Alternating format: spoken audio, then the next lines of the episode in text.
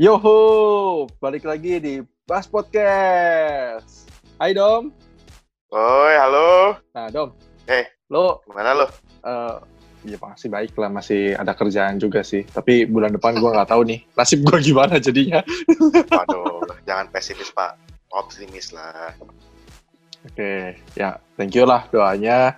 Tapi memang bulan depan kan kontrak gua habis. Tapi ya gue masih bersyukur lah. Papa bisa masih punya pekerjaan sekarang. Ya minimal satu Hmm. bulan ke depan bisa ada penghasilan. Gue tuh kalau mikir kayak gini ya, kadang-kadang tuh eh dilema. Kan dulu gue suka lompat-lompat pindah-pindah kerjaan. Dan paling lama tuh gue tiga setengah tahun kalau gue nggak salah tuh. Di tempat pertama Hmm. gue.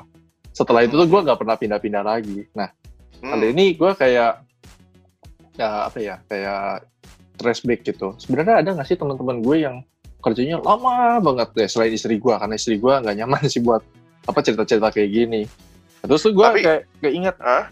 teman Hah? kecil gitu terus gue tanya kan eh lu masih kerja tempat lama masih gitu. Nah, teman kecil gue ini ya pasti teman kecil lu juga lah ya kita orang SD-nya bareng gitu kan Iya, iya, iya, iya. Nah, Tapi, Om, kalau angkatan kita ini sekarang udah berapa tahun berarti seharusnya kerja ya? Eh, Kalau kalau misalkan mereka mereka normal ya kuliah ya tiga empat tahun gitu kan 2014 Heeh. enam tujuh tahun lah harusnya ya. enam enam tahunan iya enam tujuh tahun tergantung mereka lulusnya kan Hmm, iya, ya. gitu nah kita Hmm. jadi karena apa ya biar ikrip juga gitu kan teman lo teman gue teman kita bersama gue Hmm. undang ingat sih Karen nggak dulu Karen Karen Oh, halo Karen. Halo, Bas. Halo, Don. Udah lama nggak ketemu ya? Ketemunya Iya, udah lama. terakhir ketemu kapan sih selain di nikahan gue tuh sebelum sebelumnya kapan ya Eh, pas wis Di- pas wisuda lagi jalan-jalan Di wisuda kalau gue sih kayaknya. bisa jadi, bisa jadi pas wisuda. iya, oh, kayaknya kalau setelah itu sama Bas wisuda, wisuda, wisuda kuliah. Kalau sama Don, eh wisuda Kayaknya- SMA kayaknya. Kayaknya wisuda kuliah gue juga datang, tapi mungkin lupa kali ya. Gue Oh, kalau masa iya. datang kan, Bas, ke wisuda lu? Eh, lu datang wisuda gue gue datang wisuda lu tapi mungkin Karen gak coba ke sisi jurusan lu yang di arsitek itu Oh ya, mungkin lah. Mungkin nggak sampai nyapa gimana, cuma lihat doang kali. Hmm. oke jadi mungkin buat teman-teman gitu ya eh pasti nggak tahu lah ya Karen baru muncul di episode kali ini gitu kan nah jadi Bas itu kenal sama Karen dari mana? Dari SD sebenarnya. Cuman kita bertiga di satu sekolah bareng itu di SMP jadi Bas Karen sama Dom eh, kalau refer to episode satu ya kita kan bahas sekolah kita tuh di Aloysius yang Batu Nunggal Nah, si Karen ini pindah sekolah dari sekolah yang cukup terkenal di Bandung, yang kita nggak boleh sebut namanya karena kita bukan alumni situ, pindah ke Aloy SMP sampai SMA. Terus eh, kuliahnya ini Karen sama Bas itu satu jurusan, satu kampus juga pastinya. Kayaknya kita lulus Hmm. bareng dan Dom itu eh, apa kampusnya sama cuma beda jurusan. Dom itu Ya. arsitek orang orang cerdas lah itu orangnya Us, us, us, us. mau Wis. kerja keras. Bukan, itu orang-orang yang nggak ada keahlian selain menggambar doang, Pak. yang bisanya berimajinasi doang. Tapi arsitek Unpar favorit banget loh, Don. Katanya, katanya begitu. Sekarang nggak juga lah. Nah, Dulu aku kalau pernah ngomong kerja itu loh di kampus yang eh, buat yang penerimaan mahasiswa baru itu orang berlomba-lomba loh mas arsitek itu. Oh iya, Oh, wah insider insider. insider. Mereka abis ini boleh kita bahas. Eh, mereka ngasih sumbangannya besar-besar loh, pengen diterima. Oh gitu. Iya sih. Ah. Dom buka kartu dom. Dulu lu nyumbang berapa dom? Waduh, Sensor, sensor. Oh nggak boleh ya. Boleh benar. Konfi deh. Konfi konfi. Sorry sorry guys. Ini kita tayangkan tapi kita sensor ya. Sorry guys. Ya. Oke. Nah Karen, gua penasaran nih. Dulu tuh lu masuk teknik industrinya PMDK juga nggak sih? Oh, enggak. Dulu aku masuk teknik industri itu eh, ujian saringan masuk ketiga. Karena dulu maunya masuk ITB. kan Hmm, teknik ya terkenal kan ITB kan ya benar benar. pengennya masuk ITB dan ikutnya yang SMPTN jadi SMPTN itu kan di akhir-akhir ya Benar. Ah. Tuh jadi karena waktu dulu kan ada ujian saringan masuk untuk ITB kan cuman ah. kalau nggak salah biayanya jauh lebih mahal dibandingkan SMPTN Benar. jadi Oh, ngikutin tahu. yang SMPTN gitu Itu yang bareng sama ini kan masuk SBM-nya yang 55 juta itu. Ya Eh, gila. walaupun walaupun nggak 55 juta tetap yang SBM lebih mahal tapi tetap aja lumayan gitu Benar. Emang dulu Gila di. ITB mau ngambilnya apa? rencananya mau ngambil teknik kimia Oh, karena awalnya juga mungkin ada beberapa temen yang pernah ngerasain ya maksudnya lulus kuliah eh lulus SMA terus bingung mau kuliah jurusan apa akhirnya Yes. aku ik- ikut psikotes jadi sangat membantu sih sebenarnya buat teman-teman yang bingung mau eh, kuliah jurusan apa itu ambil psikotes sih lebih baik karena biar Hmm. tahu bagusnya jurusannya masuknya ke mana gitu nah kebetulan Iya, iya. keluarnya tuh teknik kimia teknik industri sama teknik sipil Wah, Jadi- sipil. ini anaknya teknik sekali ya memang ya. Ini cewek-cewek teknik sekali banget banget. karena mungkin karena seneng ngitung kali ya dibandingkan suruh mengarang suruh nyilih baju aku lebih seneng ngitung sih Oh, iya iya. Lo iya. kayaknya cocok buka toko kalau kayak gitu. Kenapa? Eh, kenapa Ya kan? Berapa kembalian? Oke, sini hitung lagi, hitung Oh, lagi. Diskon Bapak hitung ini lagi. Bapak dan ini mikirnya uang toko mulu ya. kayaknya kalau buka toko lebih enak ya ngitung uangnya hitung uang sendiri ya bukan ngitung uang orang lain Ah, sini benar, uang orang ya. benar banget. Apalagi kayak gue tuh di IT, ya, software gue kan berkecimpungnya di payroll kan. Liatin Hmm. MM-an, transfernya bukan ke rekening gue. Pengen gue update, nanti gue masalah file lagi kan bahaya jadinya itu. Jangan dong Pak, jangan ngajarin yang nggak benar. Tapi Karen terus akhirnya kenapa jadi maksudnya ke teknik industri Parahyangan? Oh, karena di ITB kan jadi nunggu eh, pengumuman dan ternyata nggak keterima. Akhirnya Hmm, eh, masih ada kesempatan untuk ikut ujian masuk yang ketiga. Yang ketiga itu Mhm.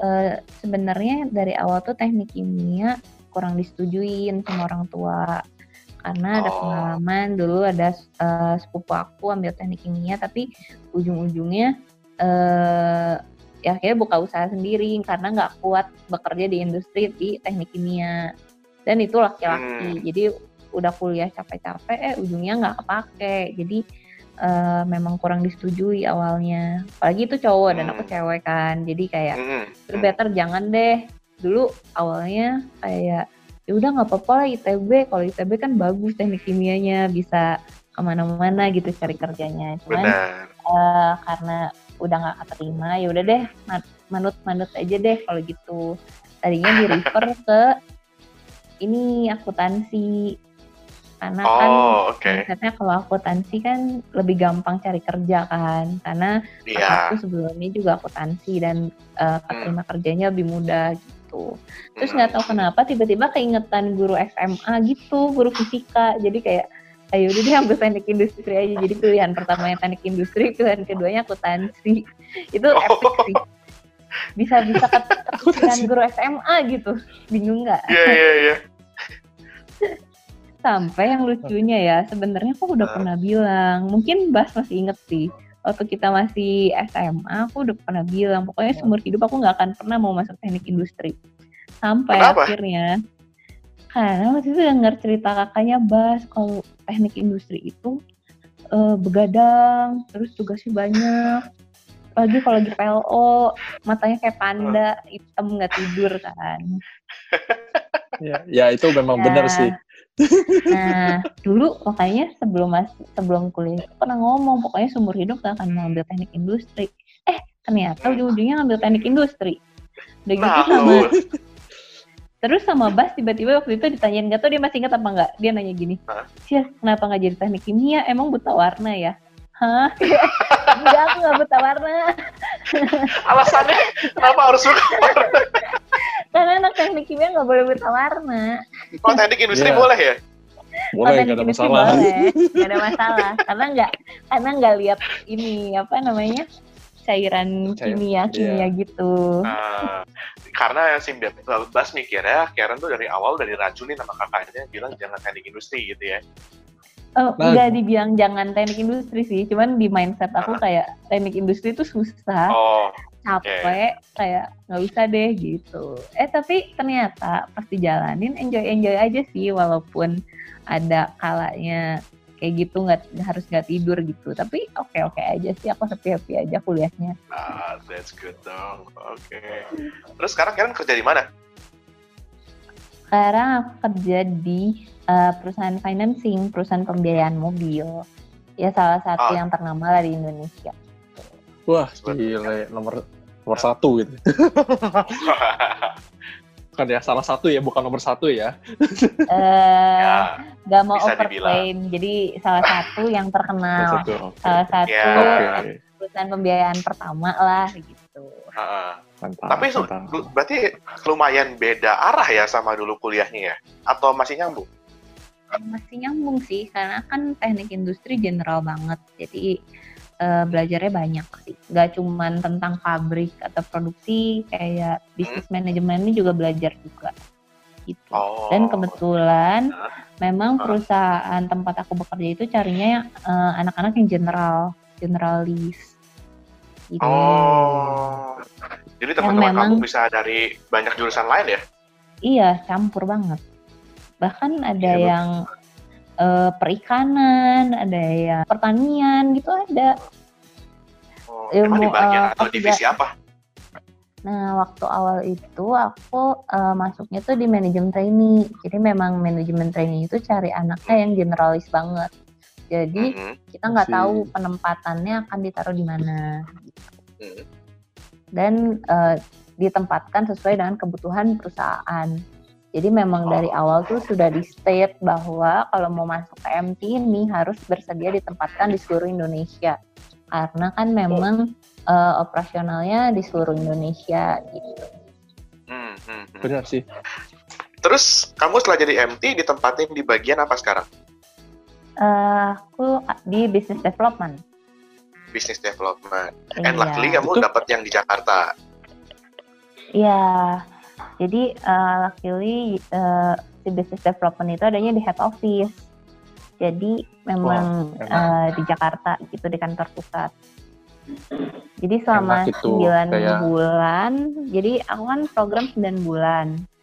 Nah, program 9 bulan itu ada eh, MT serious, eh sorry, OJT on the job training serious, it- Mhm. dan on the job training spesifik. Nah, kebetulan pas eh, yang spesifiknya itu aku langsung ditempatin di business development dan setelah lulus pun aku ditempatinnya di business development gitu. Karena ada Sampai beberapa sekarang? teman aku masih sampai sekarang. Beberapa teman aku ada yang eh, spes- eh, spesifiknya di bagian A misalnya, setelah lulus dia dipindahin ke bagian B gitu ada juga. Jadi memang benar-benar generalis sih.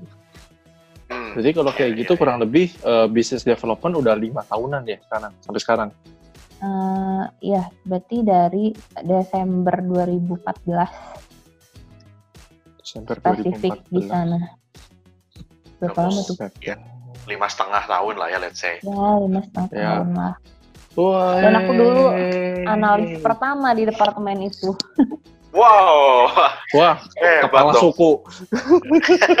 Senior, Kepala yang lain suku semua ini. junior. Yoi. Dulu dulu nggak ada ini, nggak ada apa namanya, nggak ada nggak ada analis lain gitu. Jadi benar-benar cuma ada dep headnya satu. Berarti dan baru, Pak? dirimu. Iya. Oke.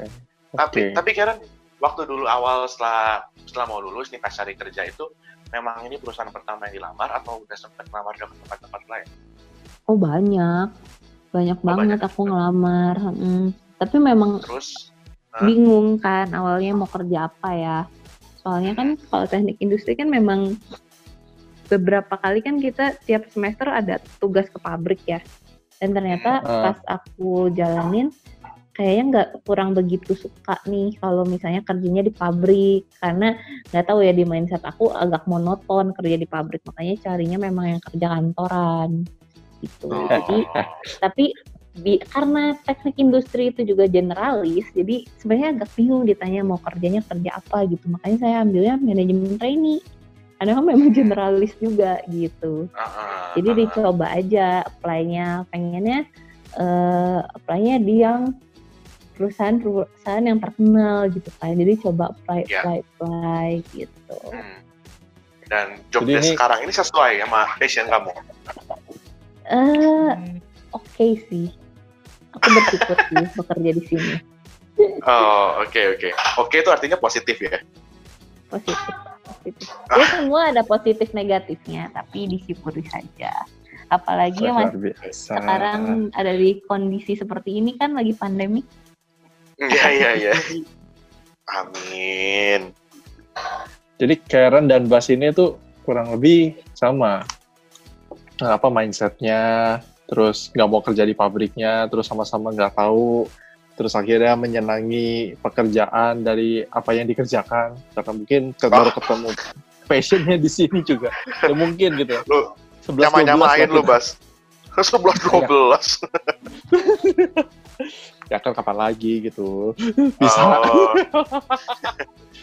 Tapi berarti si Karen ini udah lama banget loh di perusahaan ini. Well, untuk angkatan ya generasi-generasi sekarang ini kan yang terkenal gampang banget pindah kerja, terkenal gampang banget bosenan, terkenal gampang banget Hmm. punya loyalitas.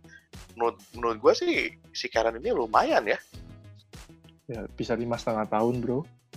Iya, lima Gimana setengah gitu kalau bukan lumayan lagi gitu sih. Mm-mm, udah udah lumayan bagus. Eh, Karen, emang apa sih yang bikin bertahan nyaman selama lima setengah tahun di sana? Faktor-faktor apa sih yang menurut kamu penting banget bisa memutusin tetap kerja di sana selama itu? Em, buat aku sih yang paling pertama tuh lingkungan kerja sih.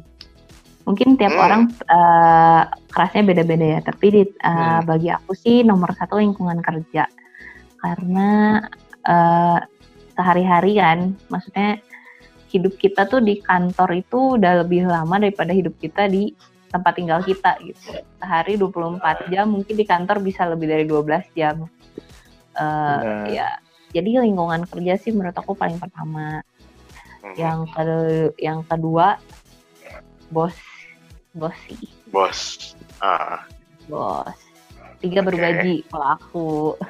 Oh gitu. Kalau job desk itu gimana? Ada pengaruh di nomor berapa? Setelah setelahnya lagi atau nggak pengaruh gitu sebenarnya? Kayak maksudnya Oh. day to day jobnya gitu.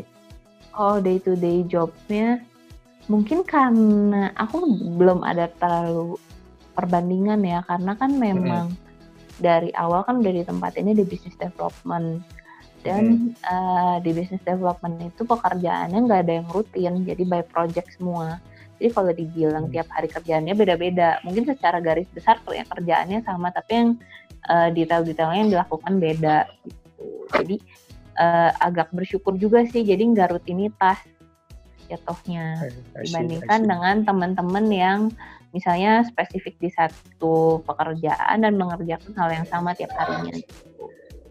Nah itu Hmm. sifatnya project itu dia pengadaan atau bikin program baru atau gimana tuh biasanya? Eh, banyak sih, ada yang bikin program baru, bisnis baru, jadi ada eh, bisa bikin kerjasama juga sama pihak luar gitu. Jadi banyak sih bikin feasibility study, eh, bikin konsep bisnis gitu.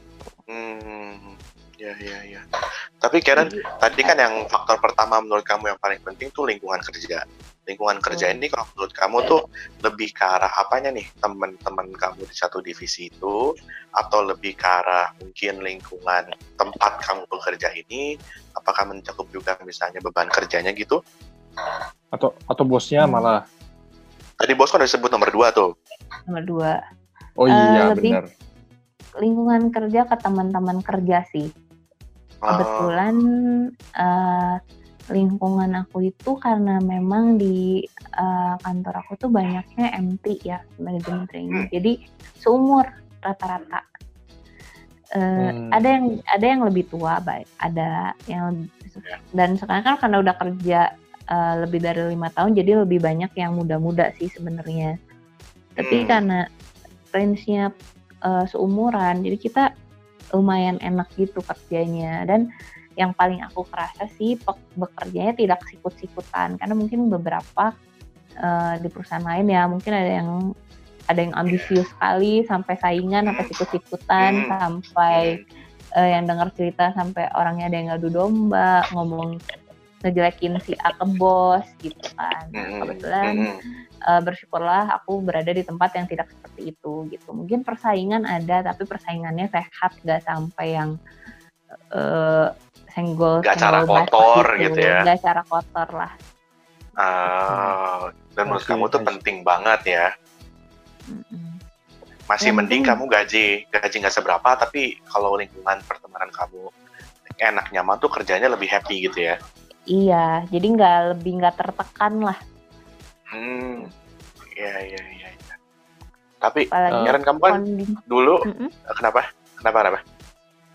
Ya apalagi kondisinya karena aku kerja di business development itu kan cross function jadi aku nggak bisa kerja sendiri jadi Iya. memang banyak harus in, incar sama uh, departemen lain kan jadi dan kebetulan temen-temennya juga enak gitu jadi ya ya ada sih yang menyebalkan mah ada pasti nggak mungkin Pasti aja ya. Tapi, Iya iya iya. uh, masih masih bisa ditolerir lah Hmm, nggak separah itulah. Iya Ber- Berarti kalau kayak gitu overall di apa satu perusahaan tempat Karen kerja sekarang nih eh, mereka punya karakteristik yang mirip-mirip ya. Jadi sekalipun nyebelin ya udah gitu kan paling satu dua gitu. Tapi overall sama gitu. Punya mindset Ya. yang kasih ikut-ikutan, saling bantu, and so on, and so on gitu ya. Nah. iya Kalau boleh tahu, apakah setiap employee-nya ya, berarti Karen and teman-teman paham dan menjalankan betul value perusahaan? Hmm. Eh, aku bisa bilang bahwa value di perusahaan aku tuh eh, dikedepankan lah.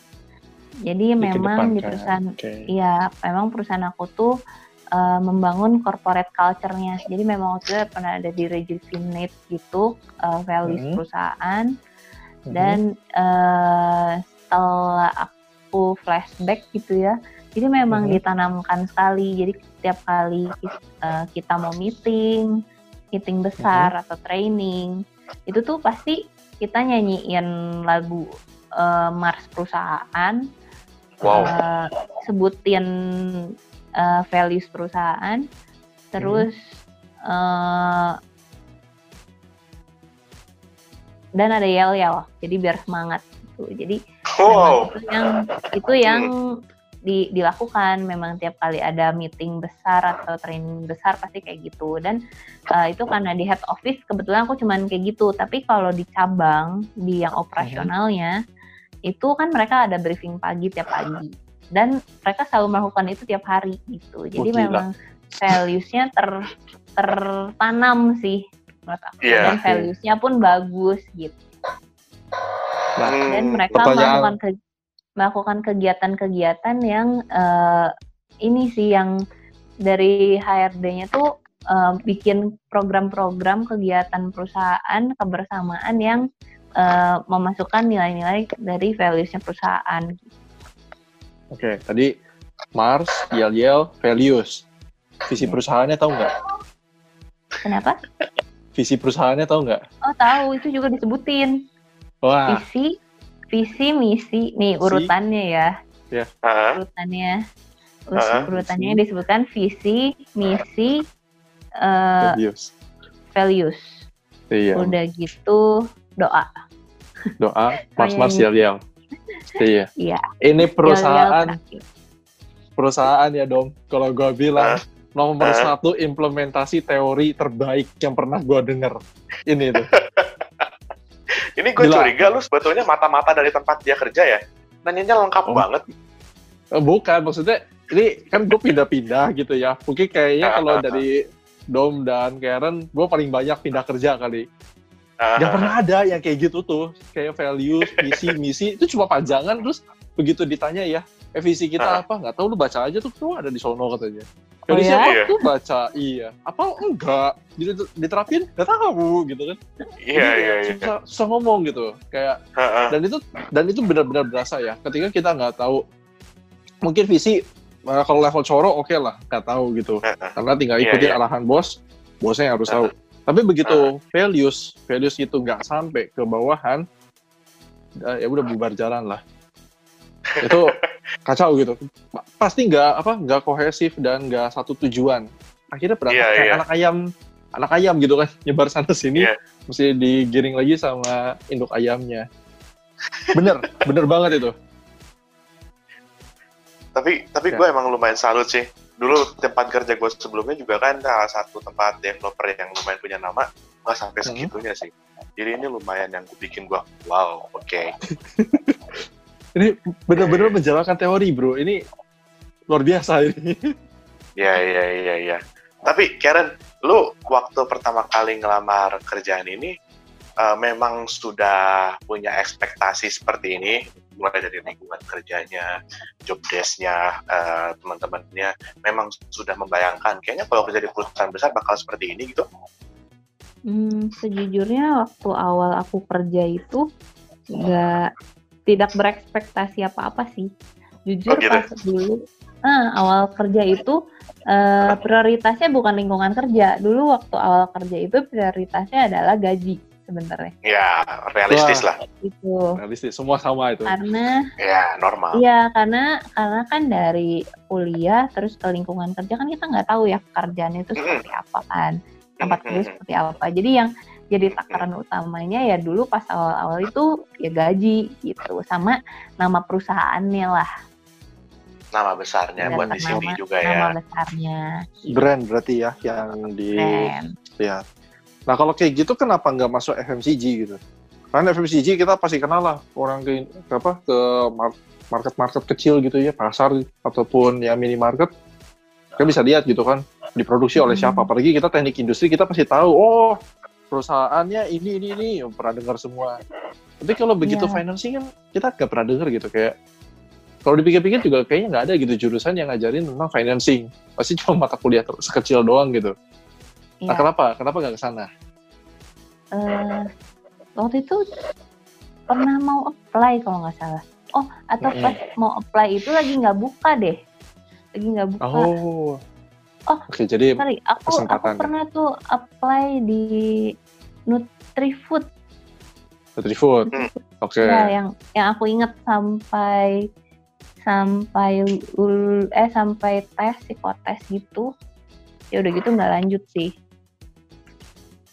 Eh, Nutrifood. iya. Kalau yang lain sih belum. Be- Pokoknya waktu itu lagi nggak buka deh. Oke. Nutrifood itu ya kantornya bagus. Pernah pernah masuk gua ke sana. Soalnya pernah jadi pernah Cuma jadi klien. aja. Eh, enggak, per- pernah jadi klien, pernah meeting gua di situ. Oh, kirain cuma Bagus masuk aja keluar lagi.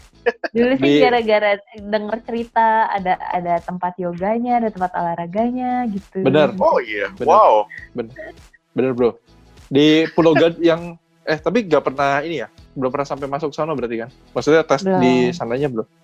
Belum. Ya, Tapi cuma daerahnya aja sih. kerjanya ya daerahnya Pulau Gadung ya. Iyo, i, itu kayaknya nyari kos itu kakakku kan dulu pernah di daerah situ lah Rawamangun Pulau Gadung situ nyari kosnya agak susah gitu. jadi ya ya nggak tahu sih kalau misalnya keterima ke sana gue yakin sih ketemu lah eh, apa kos kosannya Ada beda kan kalau kalau yang kayak Karen sekarang ini Karen itu eh, apa Jakarta Jakarta mana gitu atau bukan Jakarta lagi udah Tangerang lagi head office-nya Eh, sorry di yang aku sekarang Heeh, heeh. eh, Jakarta Jakarta Selatan. Oke, ya apalagi selatan bro, daerah Gahol, gimana gak betah dia? Selatan mah enak. Sebentar, Cari apa sebentar. aja ada. Sebentar, sebentar. Selatannya selatan mana ya? Menurut kalian Jakarta Selatan itu di mana? Sudirman, tuh selatan itu. Oh, itu selatan mau ke pusat. oh selatan mau pusat. Kalau yang Pondok Jakarta Indah Selatan. yang terkenal. Selatannya Ya. tuh selatan banget, perbatasan udah mau ke kota lain. Pondok Jauh Indah bro, mana-mana. Pondok Indah bro ini bro. Jauh juga kaya. dari Pondok Indah. Oh, Jauh jauh. juga juga ya? tahu dari Pondok Indah. Oke. Jauh, jauh. Aku arah mau ke timur lah. Emang selatan tuh nempel sama timur ya? Baru tahu gue. Kan Ya kan? nyambung, Pak. Nyambung, Pak. Eh, Mampang itu masih selatan ya? Memang ya? Selatan. Tapi aku Oh, iya, lebih selatan lagi Tapi- daripada Mampang. Eh, buset. Pasti ke sana lagi. Iya dia emang di perbatasan sih ya. Iya sih, iya sih. Perbatasan. Oke, oke. Gede ya Jakarta Selatan tuh Nah. ya, kalau dipikir-pikir ya. Gede Besar pak. banget. Lu lu cuman mainnya tempat-tempat terkenal doang sih. Anak jauh Iya, doang pon- lu. Jalur gua kan cuma apa? Bintaro, Pondok Indah, Gandaria, udah bro. Beres. Tapi Bas, gimana kalau menurut lu sendiri nih? Kan tadi tuh perspektifnya Karen yang lima Hmm. setengah tahun. Lu kan punya sejarah juga udah banyak mencicipi nih asam garam Hmm. perusahaan. Kalau lu Hmm. pribadi, uh, value-value apa nih yang menurut lu penting? Oh, kalau dari gua kerja itu eh ini teori gue ya. Jadi nggak tahu nih pernah ada yang Hmm. apa enggak gitu. Kalau kerja itu ada Hmm, tiga nggak apa-apa. values benar. Ada ada tiga values yang sebenarnya bakal eh, apa kita pegang atau kita temukan gitu di dalam dunia kerja. Yang pertama values perusahaan. Nggak mungkin ada perusahaan berdiri sampai sekarang kecil meskipun perusahaan keluarga nggak punya values perusahaan. Nggak mungkin itu. Pasti punya masalahnya ditulis apa enggak atau diinformasikan atau enggak kita nggak tahu. Tapi mereka pasti punya. Yang kedua adalah values orangnya. Itu bisa bersambang dua values kita sama value bos kita. Tiga itu. Nah gimana kita bisa betah apa enggak? Kalau Hmm. pendapat gue sendiri pribadi nih apakah values pribadi kita itu sejalan dengan values perusahaan dulu? Pertama itu kalau Hmm. udah sejalan sama perusahaan dicek apakah value bos kita sejalan nggak sama value perusahaan kita masih Hmm. di apa masih nyerempet nyerempet oke ini Hmm. akan jelas gitu arahannya kita nggak akan melenceng. Nah ketiganya ya baru Hmm. apakah value kita sejalan nggak sama bos dan perusahaan kita. Nah kalau urutannya ya misalkan yang kita kerja itu mau dikedepankan adalah values diri sendiri dulu. Nah itu runyam. Hmm. Itu yang bisa apa menuju ke arah korupsi karena biasa values perorangan kadang-kadang ya atau nggak mungkin biasanya serakah. Ada kesempatan kita lakukan tindakan kriminal misalkan korupsi atau apa pun lah yang mau ngikut orang kayak ah gue nggak suka nih sama si A ah, udah tendang aja itu kan value personal kita yang kita kedepankan bukan value perusahaan ataupun value dari bos itu bahaya dan sebaiknya sih kita nggak mengedepankan value personal tapi balik lagi itu balik lagi ke orang-orangnya dari gue gitu karena gue pernah ngalamin itu gue betah banget di perusahaan yang antara value gue sama value perusahaannya itu sejalan. Kayak enjoy aja gitu mau ngerjain apa pun ya arah sana. Kebetulan bos gue pun punya value yang sama di perusahaan itu. Nah yang nggak samanya itu adalah value bosnya bos gue. Nah, dia ada kayak mau mengedepankan value pribadinya. Nah ini gue eh, agak kurang sejalan sama dia. Tapi itu pa- pandangan gue bisa jadi pandangan gue salah gitu. Karena kan ke- karena ujung-ujungnya gue yang keluar gitu itu Iya. itu yang masalahnya jadi apa analisa gue bener apa enggak ya cuman Tuhan dan bosnya bos gue doang yang tahu gitu apakah dia itu value-nya Hmm. berbeda atau enggak gitu. Tapi kalau Tapi, yang lu- overall ya begitu gue melihat ada temen yang mengedepankan value pribadinya gue selalu nggak cocok sama orang itu. Pasti pasti nggak cocok. Hmm. itu juga nggak tahu kenapa sih. lu udah beberapa tempat lu belum ada yang merasakan semuanya klop ya di antara value perusahaan value bos sama value pribadi belum ada yang pas di di mata lu? Ada tapi kan ya itu ah, value-nya bosnya bos gue atau value teammates gue gue nggak bisa kontrol dan gue kan ya pasti berhubungan dengan mereka akhirnya bisa nggak nyaman Iya. juga nah jadi mungkin Hmm. bisa dicontak nih dari tempatnya Karen tiap hari nyanyiin Mars Hmm. Mars bilang yel yel ngomong visi misi sama pakai values dan jangan lupa berdoa itu penting tuh kayaknya tuh Hmm. berarti apakah tempatnya. Nggak tahu sih kalau kayak lu sendiri ngedenger ceritanya. Emang emang seperti itu ya? Maksudnya eh, kamu setuju kalau memang tiga itu harus menjadi tempat kamu ini memenuhi semuanya itu? Dari semua ya nggak ada yang semuanya sempurna sih. Maksudnya ya, tapi nyerempet nyerempet lah jadi masih oke okay sebenarnya. Cuman memang kita nggak bisa ngontrol bener sih. Nggak bisa ngontrol values orang lain karena mungkin ya mereka punya agendanya sendiri sebenarnya ya aku nggak nggak bilang kalau di kantor aku itu nggak ada orang yang seperti itu ada orang yang seperti itu bahkan yang kerasa banget biasanya itu adalah level yang tinggi tinggi sebenarnya yang kayak ya, tadi yang Bas ya. bilang hmm. bos bos aku enggak tapi bosnya bos aku iya gitu apalagi biasanya hmm. itu uh, yang seperti itu adalah uh, bos-bos yang dari awalnya sudah kerja di tempat yang sama yang kerjanya udah uh, puluhan tahun lah di situ belasan sampai puluhan tahun lah di, di perusahaan tersebut gitu biasanya yang lebih kerasa sih gitu kalau dari uh, pengalaman aku ya, kalau orang-orang dari yang yeah. pindahan perusahaan lain, dia lebih bersikap uh, lebih profesional sih menurutku sih. Values-nya hmm. lebih lebih yang ngikut dulu lah sama values perusahaannya seperti apa karena dia kan harus beradaptasi dengan perusahaannya kan. Hmm. Yeah. Tapi sebenarnya hmm. kalau uh, menurut pandangan aku orang-orang yang punya agendanya sendiri itu biasanya kerja di uh, perusahaan itu udah terlalu lama. Oh. Ada, ada juga yang dia gagal move on gitu loh bro. Jadi dia udah kelamaan dapat di satu perusahaan yang dia idam-idamkan, terus ya nggak tahu hmm. dengan alasan tertentu dia capcus, pindah ke satu perusahaan, hmm. dia malah bawa perusahaan value perusahaan lama untuk masuk ke value perusahaan baru. Nah ini juga sama, ngawur itu. Hmm.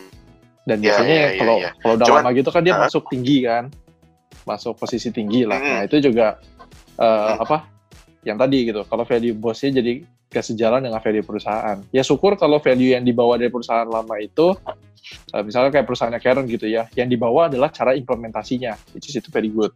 Tapi kalau yang dibawanya hmm. value uh, personalnya, ah ngawur tuh.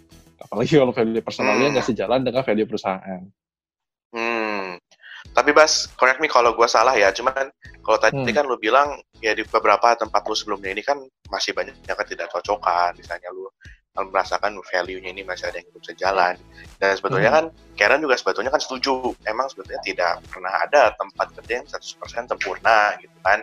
Nah, hmm. tapi kalau Sharon sampai detik ini masih bekerja di perusahaan yang sama, kalau menurut Karen itu lebih karena ya memang perbedaan value itu tidak terlalu besar atau lebih karena ah udahlah gue udah males cari kerja lagi udahlah nggak apa-apa lah nggak nggak sejalan juga ya penting gue kerja dulu di sini gitu faktor ada faktor ke situ nggak hmm, lebih ke value sih. Tapi kalau dibilang eh, nggak uh, pernah berpikir untuk pindah ke tempat lain ya pasti pernah. Karena mungkin uh, udah cukup lama juga sih berada di posisi yang sama gitu kan. Jadi memang walaupun yeah. pekerjaan yang nggak rutin tapi ya rasa bosan itu ada gitu.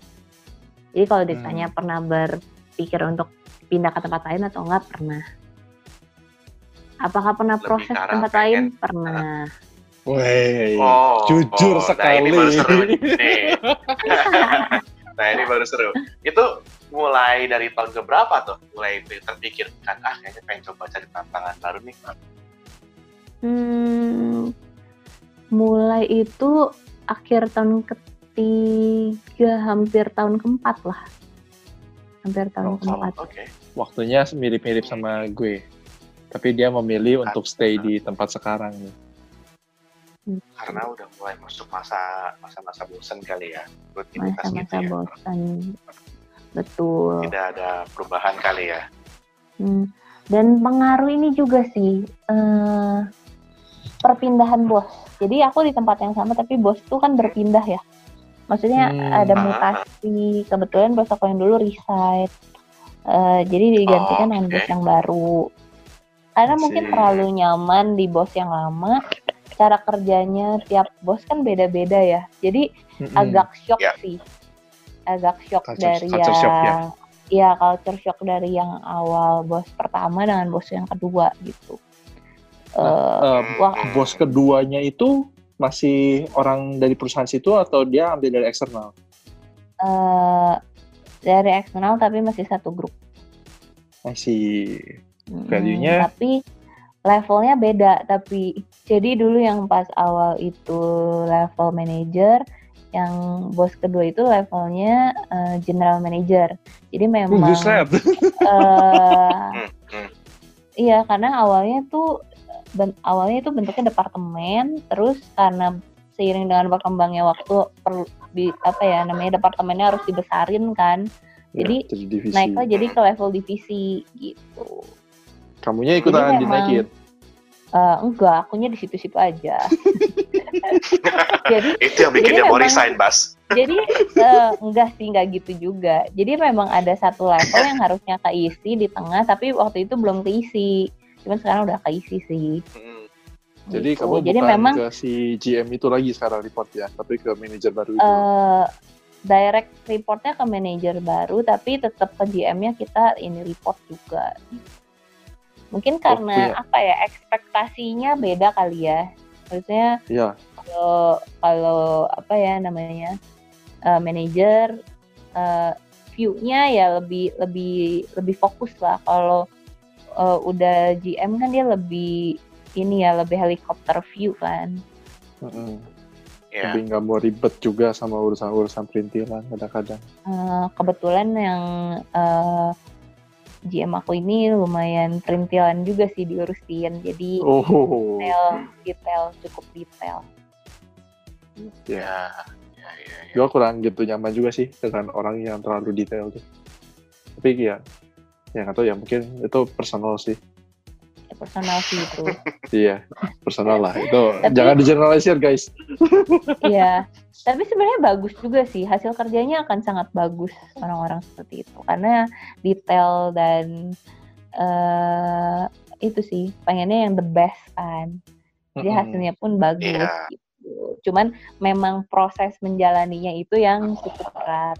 Gitu. Iya. Painful banget. Tuh kalau ngomongin the best, inget ini value teknik industri gue. Apa sih Apa tuh? bahasa bahasa Inggrisnya lupa, ingetnya bahasa Indonesia. Pokoknya nggak ada yang terbaik, yang ada itu adalah solusi yang lebih baik. Cailah. Oh, Kata-kata bijak ya, by Bas 2020. Eh, refer to teknik industri, silakan kuliah di sana biar Teknik industri ya. Oke. Tapi tapi Karen, ini kita kita balik mundur sedikit ya. Tadi kan kamu bilang kamu masuk perusahaan itu lewat jalur MT. Eh, MT itu Hmm. waktu awal kali mau masuk itu ada berapa orang?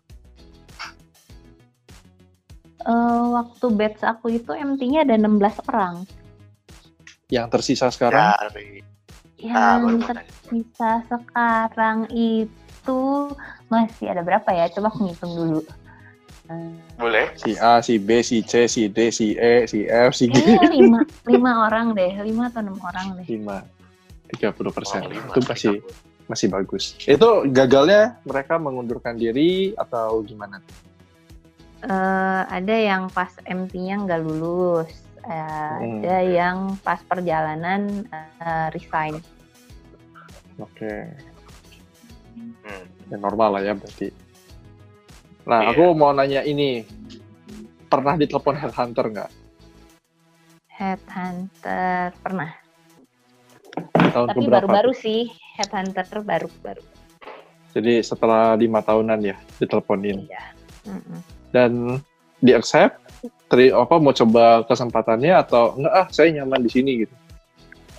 Eh, saya sih tidak menutup kesempatan kalau ada eh, ini baru kesempatan baru. Oke, Jadi- jawabannya sangat bijak ya. Terlalu jawabannya diplomatis sekali. Diplomatis ya. Tapi tidak aku bilang setuju. iya, tapi tidak bilang Iya. tidak. Aku setuju dong. Itu jawaban yang paling pas untuk dibilang apa ketika kita ngomong sama headhunter. Aku setuju banget. Iya, jawabannya sama headhunter boleh. Kalau sama kita kayaknya kalau pengen lebih jujur lagi, misalnya yang ditawarin, kalau dengan gaji lebih tinggi, mau dong. Why not? Why not? Tapi tapi kalau misalnya ditawarin gaji lebih tinggi, tapi kamu tahu uh, misalnya lingkungan kerja di sana tuh ya tadi bisa dibilang mungkin ada sikut-sikutan. Menurut kamu pilih mana? Eh, gimana? Sorry, boleh diulang pertanyaannya? Suaranya kecil tadi dong. kamu ditawarin tadi misalnya kamu di, ditawarin sama headhunter eh, Hmm. kamu ditawarkan ada satu perusahaan gajinya kamu akan dibayar lebih gede. Tapi kamu udah melakukan riset atau kamu mungkin dengar cerita juga dari teman kamu bahwa lingkungan kerja di perusahaan baru ini tuh lebih kotor lah atau lebih sikut-sikutan lah. Kira-kira pilihan kamu gimana? Kamu bakal pilih mana? Eh, kalau gitu aku eh, nggak akan jadi ke sana sih. Eh, Soalnya bukan masalah uang ya? Eh, Ya. bukan cuma masalah uang. Karena begitu ditawarin uang nih ya, ya oke bisa diambil. Tapi ketika kerja di sana aku belum tentu nyaman kan, belum tentu cocok. Kalau nggak cocok, Hmm. masa kerja cuma dua bulan tiga bulan dapat gaji besarnya cuma sebentar. Udah gitu harus cari kerja lagi. hmm. Hmm. dipaksain juga nggak mungkin ya Iya, jadi menurut aku kalau mau pindah ke suatu tempat itu bu jangan di- berdasarkan emosi sih, tapi benar-benar harus dipertimbangin dari segala sisi, gak cuma dari satu sisi aja atau satu aspek aja. Betul. Gue pernah pindah tempatnya zong. Aduh, kacau lah itu. mau cerita dikit zongnya Nah, gimana jangan. Jangan, jangan. oh Eh, itu. Ah. Iya. iya iya iya ini habis rekaman aja ya Iya, habis rekaman boleh lah. Ya Nah, pokoknya Karen, tapi- jangan itulah, jangan jangan pakai emosi lah. hmm. Ya, atau kalau gue tapi gak paham dulu istilah yang gak pakai pakai emosi gitu. Kalau gue bahasanya tuh nafsu. Jadi kayak, uh di sana tuh menjanjikan janji surga ya. Kamu akan jadi Ya. manajer, gajinya sekian. Nanti setelah Ya. ini bakal jadi CEO. Bullshit. Itu gak usah. Pokoknya kalau janji udah di sana udah terlalu tinggi, kita mesti ingat. Di gaji besar, kita berarti menggantikan seseorang. Kenapa orang itu mau resign jika gajinya besar? Pasti ada masalah. Kuat nggak dengan masalah itu? Itu. Hmm. Makin besar gaji tanggung jawab makin besar. Betul. Yang belum paham, Ya. kerja dulu, nanti paham. Tapi ya setelah Hmm. paham kayak gitu ya, eh, waktu itu pernah ada yang nanya ke aku, mau nggak sih kalau dikasih gaji ha- 100 juta? Kalau sekarang, jujur aku jawab enggak. Karena aku Aku belum juga mampu. enggak. Aku juga enggak. Karena dengan gaji yang sekarang aja suka pulang lembur. Gimana yang gajinya 100 juta bisa pulang kantor? Nginep kali nginep. Nginep. Mesti mesti ke Konoha dulu, Bro. Kaki pusing gitu kan, baru bisa tuh. Berharapnya bisa pak. Saya juga pengen Iya. kalau bisa mah. Tapi Karen, kalau kita nggak ngomong masalah pindah kerja ya, tapi ini kita ngomong misalnya masalah mutasi. Kan tadi kamu juga bilang eh, di tempat kerja kamu ini ada mungkin juga terjadi mutasi, entah itu mutasi divisi atau mungkin kamu mutasi ke cabang. Kalau kamu suatu saat disuruh melakukan kantor untuk mutasi, kira-kira kamu gimana? Mendingan pilih resign atau kamu bakal ikut? Eh, untuk kondisi sekarang yang aku masih single ya, eh aku sih oke-oke aja untuk dimutasi, ya, karena ya pengalaman baru juga sih, gitu. Tapi ya aku nggak tahu cocok atau enggaknya, tapi Hmm. bisa dicoba, gitu. Tapi beda lain hal ya kalau misalnya aku udah berkeluarga dan aku misalnya harus dimutasi di ke kota lain, nah itu mungkin aku akan memilih untuk resign sih karena aku akan lebih milih keluarga jadi nggak tega juga sih ninggalin keluarga Oke. Hmm. Nah ini Tetap lah ya. pertanyaan pertanyaan terakhir ya karena durasi udah mulai panjang juga nih. Apakah Karen pertanyaannya nih, apakah Karen tim yang pengen jadi entrepreneur? yes Yes. Oh ya, Eh, aku Oke. juga baru sadarnya satu tahun terakhir sih Oke. gimana? tuh? karena karena kita sebagai karyawan bekerja dengan orang lain kita itu orang yang bisa digantikan jadi Betul. kita kadang-kadang merasa kita penting banget di perusahaan itu tapi kalau kita nggak ada banyak orang yang bisa gantiin kita tuh kedua Wise sekali. kita bekerja itu di perusahaan tuh bekerja untuk eh apa ya memenuhi impian orang lain, bukan impian kita. Betul. Yang kedua, karena ya kita mau kerja sekeras apa pun, mau menang tender sebesar apa pun, ya gaji kita cuma segitu, nggak sebesar tender itu kan. Beda dengan bisnis. Iya. Kalau misalnya bisnis ya kalau misalnya kita menang tender segitu ya memang angka segitu ya punya kita. gitu. Yang ketiga, karyawan itu punya batas masa pensiun. Batas Oke. masa pensiun di yang normalnya di usia 55 tahun. Dan nggak tahu nih kan, semenjak ada corona mungkin bisa dipendekin tuh umur pensiun jadi 45 tahun kan kita nggak ada yang tahu ya. Hmm, Iya, Nah. iya. ya, ya. Nah, apakah gaji kita yang sekarang itu bisa mencukupi nanti setelah kita pensiun? Gitu. Oke. Itu pertanyaan yang yang eh, akhirnya menyadarkan aku sih. Maksudnya udah bisa cuma menjadi karyawan aja. Karena dengan eh, pendapatan dan penghasilan aku yang sekarang dengan gaya hidup karena gaya hidup kan terpengaruh juga dari lingkungan kan dari pertemanan dan lain-lain gitu Eh, aku aja merasa kayak gaji segitu aja lumayan pas-pasan ya gimana ya? Aku seper- awalnya nggak pernah kepikiran sih nanti pensiun itu akan seperti apa? Karena ya hidup ya as is now gitu. Ya masih Mm-mm. cukup gaji nggak kurang. Tapi setelah aku pikir-pikir bener juga ya nanti kalau misalnya sudah pensiun apakah uang kita yang sekarang kita dapatkan itu bisa mengcover untuk sampai ke depannya? Gitu. Itu sih. Bijak sekali tiga reason itu ya. Luar biasa. eh kalian bangga nggak sih punya temen kayak aku Gue bangga banget lah lu. Ini Gila kalau gak bangga gak mungkin yang di paling invite gitu. bijak. ini hampir tepuk tangan loh, saya standing ovation tadi ini. Iya. Eh, Udah, tapi udah, udah bangkit berdiri, cuman lupa nggak ada yang lihat, jadi duduk lagi gitu sekarang. Gak ada yang lihat, duduk lagi. Ya sorry. kenapa kenapa Karen? Iya, banyak banyak orang yang nggak sadar sih. Maksudnya aku aku pun eh, sadar ini karena ada orang lain yang ngasih tahu aku gitu. Karena ba- Hmm, di saat zaman sekarang ini orang-orang banyak yang menikmati apa yang dia punya sekarang gitu. Belum belum sampai menikmati ke masa depan. Apalagi milenial milenial sekarang kan yang lebih seneng eh, pergi Iya. liburan, lebih seneng menghabiskan untuk gaya hidup gitu dibandingkan untuk menabung.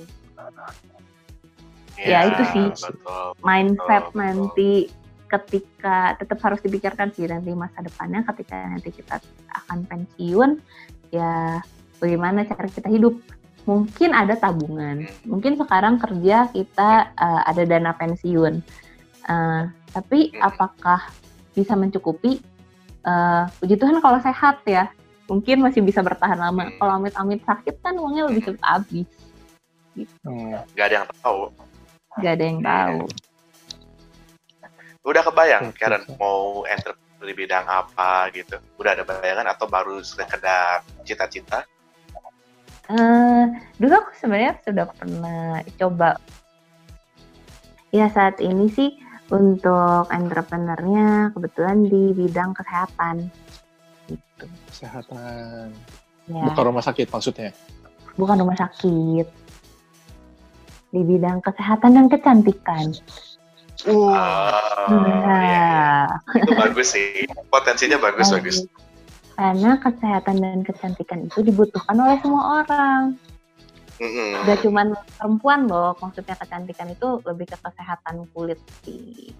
Jadi Ya, cowok juga butuh tahu skincare, jangan salah. betul, betul. Memang kemarin ini habis ikut seminar tuh.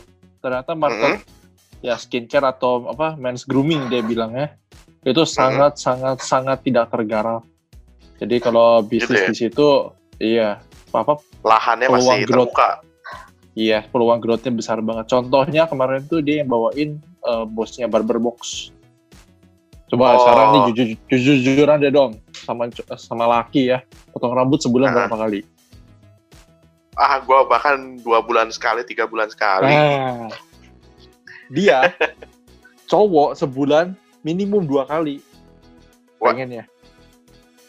Gila. Ya tapi oke memang kalau ya sekarang kalau cowok kayak kita gitu ya men's groomingnya Ah. eh, sebulan sebulan sekali aja belum tentu ya siapa yang mau main gitu di situ kan Iya, iya. Tapi Iya, dia, iya. dia dia bikin kayak gitulah dia dia keren sih Iya, iya, nah iya. Karen Ya, pertanyaannya nyambung sedikit Nah, memang udah geser tadi ya itu mau dibikin dalam waktu dekat atau nanti setelah pensiun oh, oh sudah dijalankan dari sekarang dong. Oh, Wah. biasa Karena kalau setelah pensiun mah telat kali. Keburu tua ya. Keburu tua, tenaganya habis. Terus saatnya pensiun saat menikmati hidup. Ya, ya, setuju, setuju, setuju. Jadi habis ini nanti kita dapat voucher diskon, Bas. ya untuk men's grooming di salon kecantikan Karen siap kita tunggu Eh, aku nggak bilang salon kecantikan loh. Enggak, enggak, dia enggak bilang. Ada Oh, salah beda dia- istilah loh. iya benar-benar berarti belum tentu bikin salon dia bisa jadi Belum apa tentu. mua mua buat cowok tuh kayaknya belum ada tuh kayaknya kan mua buat pengantin cewek semua kan mua buat cowok gitu bisa jadi sih dia Ya, kita nggak usah berspekulasi lah. Nggak tahu juga. Kayak Oke, oke. ngomong apa. Boleh ya, Tapi nanti ya, kita habis ini, doakan.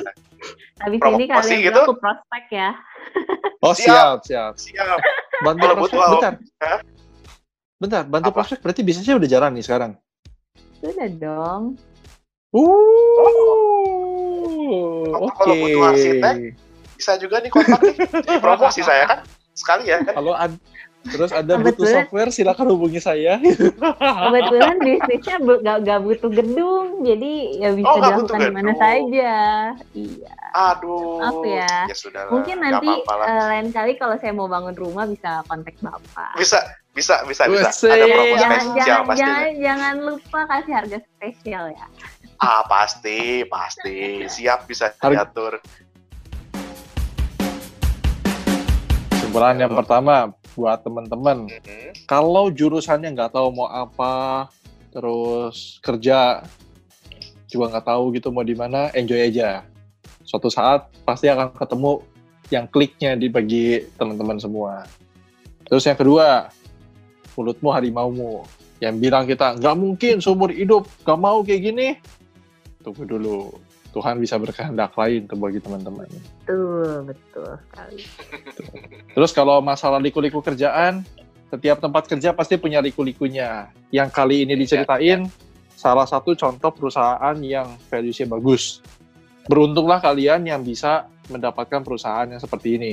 Kalau nggak ketemu yang kayak gini, ya dua ya pilihannya. Kita adaptasi, or kita exit. Exit ini cari kerjaan baru, atau kita bikin perusahaan yang sesuai dengan value-nya teman-teman. Jadi saya di sini mendukung gerakan entrepreneur Indonesia kalau ada lah atau gerakan apa itu Waduh, itu saya ada dukung gitu campaign. ada sisipan campaign di belakang ini. Di skrip nggak ada begini ya.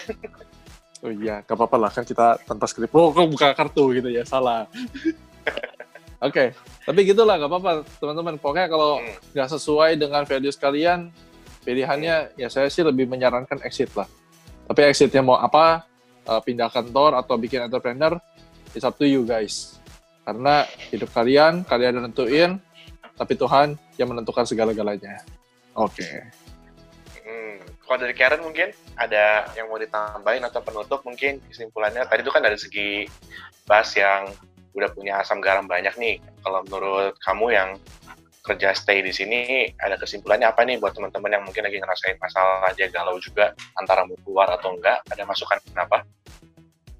Hmm, itu sih yang tadi yang sempat aku mention juga. Maksudnya untuk mengambil keputusan akan pindah atau tidak eh, jangan berdasarkan emosi itu sih. Karena eh, kadang-kadang emosi itu membawa kita ke tempat yang seharusnya kita tidak ada di sana. Dan kalau mau pindah, sebaiknya dipikirkan dulu. Eh, atau mau resign, itu harusnya dipikirkan dulu. Apakah kita punya kapal untuk kita berpindah atau enggak. Jangan sampai nanti ketika kita udah resign, terus kita bingung tentang-tentang mau ngapain. Malah jadi menyesal juga kan ujung-ujungnya. Sama Iya, iya. yang terakhir, dipikirkan juga lah karena memang kita hidup untuk masa yang sekarang tapi jangan lupa memikirkan eh, persiapan kita di ke depannya seperti apa Tuh. luar Itu aja sih biasa paling dari aku Luar biasa. Luar Bas. biasa sekali. Iya. Jawaban ini lebih bijak, Bas. Mulai minggu depan lu nggak usah siaran lagi. Mending sama dia aja. Oke, eh, Oke, mungkin best hostnya podcast berubah ya. jadi Karen podcast. Ganti ya. Bas, maaf Anda kalah bijak ya. Saya lebih senang sama yang kebijakan dia lebih bagus ini. Oke, siap. Mulai minggu depan ganti nama kali gitu ya. Dipecat. Nggak lah, kidding lah. Oke, thank you, Karen. Ren. Thank you Karen buat waktunya. Sama-sama dong. Oke. Eh, thank, Thank you you, banget Bas. Karen. Oke guys, sampai jumpa minggu depan. Bahas pamit. Dom cabut. Bye. Dadah. Bye.